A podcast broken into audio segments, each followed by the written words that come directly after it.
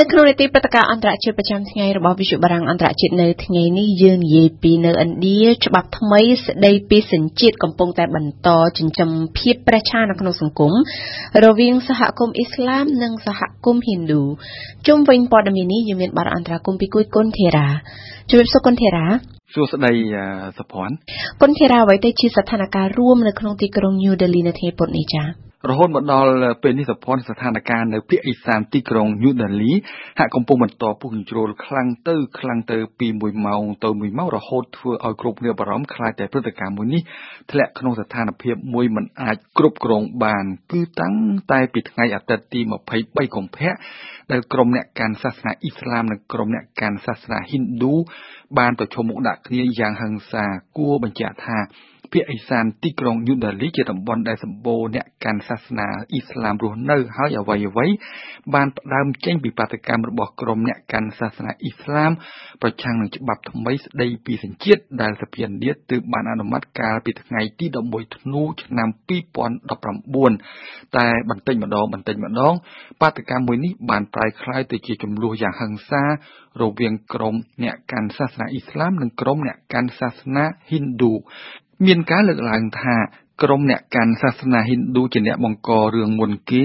ដោយបានចូលទៅក្នុងតំបន់របស់អ្នកកាន់សាសនាអ៊ីស្លាម រួចបានប្រើដំបងដុំថ្មដាវឬមួយកំភ្លើងវាយប្រហារទៅលើក្រុមបាតកោអ្នកកាន់សាសនាអ៊ីស្លាមបន្ទាប់មកក្រុមជាតិនិយមហិណ្ឌូក៏បានដុតរថយន្តតូបលក់អីវ៉ាន់ព្រមទាំងផ្ទះសម្បែងរបស់អ្នកកាន់សាសនាអ៊ីស្លាមទៀតផង ទង្វើទាំងអស់នេះបានធ្វើឡើងនៅពីមុខវត្តមានរបស់កម្លាំងប៉ូលីសដែលបានត្រឹមឈមមើលប៉ុណ្ណោះ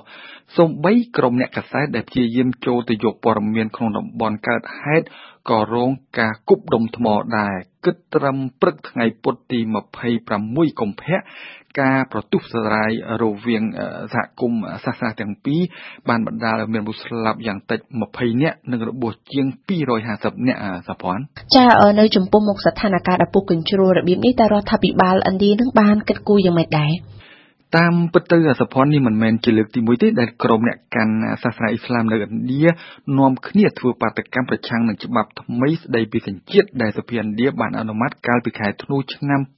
2019តាំងពី2ខែមកហើយដែលក្រុមអ្នកកាន់សាសនាអ៊ីស្លាមបន្តតវ៉ាមិនសុខចិត្តនឹងច្បាប់មួយនេះ។ តែរដ្ឋាភិបាលរបស់នាយករដ្ឋមន្ត្រីលោក Narendra Modi ដែលជាអ្នកជាតិនិយមហិណ្ឌូ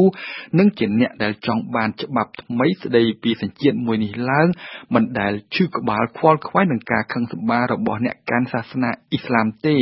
ពិតណាស់លោក Modi ធ្លាប់បានបញ្ជាក់ច្រើនដង ថាច្បាប់ថ្មីស្ដីពីសញ្ជាតិគ្មានការរើសអើងសាសនា និងក៏មិនមែនសម្ដៅប្រឆាំងអ្នកកាន់សាសនាអ៊ីស្លាមដែរ តែគេបានសង្កេតឃើញថាលោកម៉ូឌីរួមទាំងលោកអាមីតសាដែលជាមនុស្សចំណិតជាងគេរបស់លោកនិងជាអ្នកតាក់តែងច្បាប់ថ្មីស្ដីពីសញ្ជាតិតែងបង្កើនការគៀបសង្កត់និងធ្វើទុកបុកម្នេញលើបរិវត្តអ្នកកាន់សាសនាអ៊ីស្លាមឧទាហរណ៍ជាក់ស្ដែងក្នុងរដូវក្តៅឆ្នាំ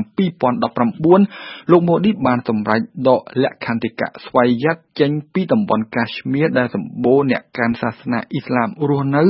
នឹងការធ្វើជំរឿនជាតិក្នុងគោលដៅស្វែងរកជនអន្តោប្រវេសន៍ខុសច្បាប់ជាដើម លោកម៉ូឌីបានដឹងច្បាស់ណាស់ថា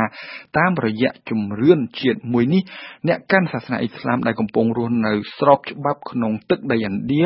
ពិតជាពិបាកនឹងរកបានលិខិតស្នាមដូចយ៉ាងសម្បត្តិកំណើតដើម្បីបង្ហាញរដ្ឋអំណាចណាស់បន្ទាប់មក គឺច្បាប់ថ្មីស្ដីពីសញ្ជាតិដ៏ចម្រូងចម្រាស ខណៈនេះនឹងដើម្បីព្យាយាមរងាប់ភាពពុះកញ្ជ្រោលរដ្ឋអំណាចបានសម្រេចដាក់បំរាមគោចរនៅក្នុងតំបន់មួយចំនួន បន្ទាប់មករដ្ឋអំណាចបានតែងតាំងស្នងការពិសេសម្នាក់ព្រមទាំងមានការបញ្ជូនកម្លាំងប៉ូលីសនិងកងស្វ័យត្រានបន្ថែមទៅកាន់ប៉ែកអេសានទីក្រុងញូដាលីចំណែកលោកម៉ូឌីវិញបានអំពាវនាវឲ្យពលរដ្ឋរស់ក្នុងទីក្រុងញូដាលីរក្សាសន្តិភាព និងភេត្រភាពគ្រប់ពេល អ្វីដែលលោកម៉ូឌីចង់បាននិងចង់ឃើញឆាប់ឆាប់គឺភាពស្ងប់ស្ងាត់និងភាពប្រក្រតីឡើងវិញសុភ័ណ្ឌអឺខ្ញុំចង់អគុណធីរ៉ារំលឹកបន្តិចថាតើច្បាប់ថ្មីស្តីអំពីសញ្ជាតិដ៏ចម្រូងចម្រាសមានចែងអំពីអ្វីខ្លះ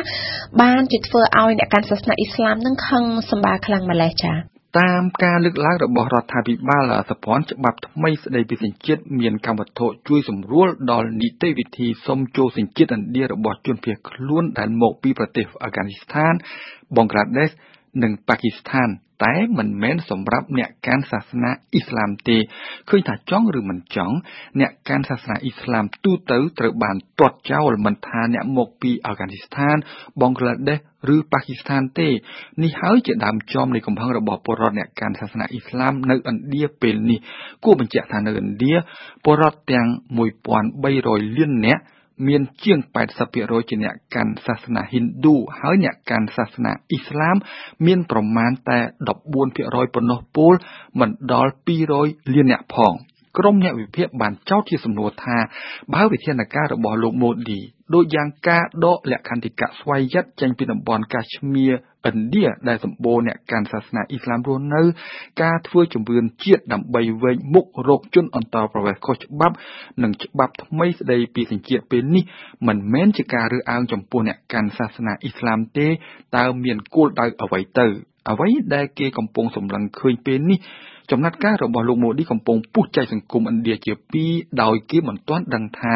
តើវិបត្តិសង្គមមួយនេះនឹងត្រូវចប់តាមច្រកណាមួយទេ អ្វីដែលគេអាចនិយាយបានវិបត្តិសង្គមមួយនេះបានផ្ទុះឡើងខណៈដែលឥណ្ឌាកំពុងមានកំណើនអ្នកអត់ការងារធ្វើនិងមានកំណើនសេដ្ឋកិច្ចទាបបំផុតគិតតាំងពី6ឆ្នាំកន្លងទៅសុភ័ណ្ឌអរគុណគុណធីរ៉ាចំពោះបទអន្តរាគមន៍នៅថ្ងៃនេះ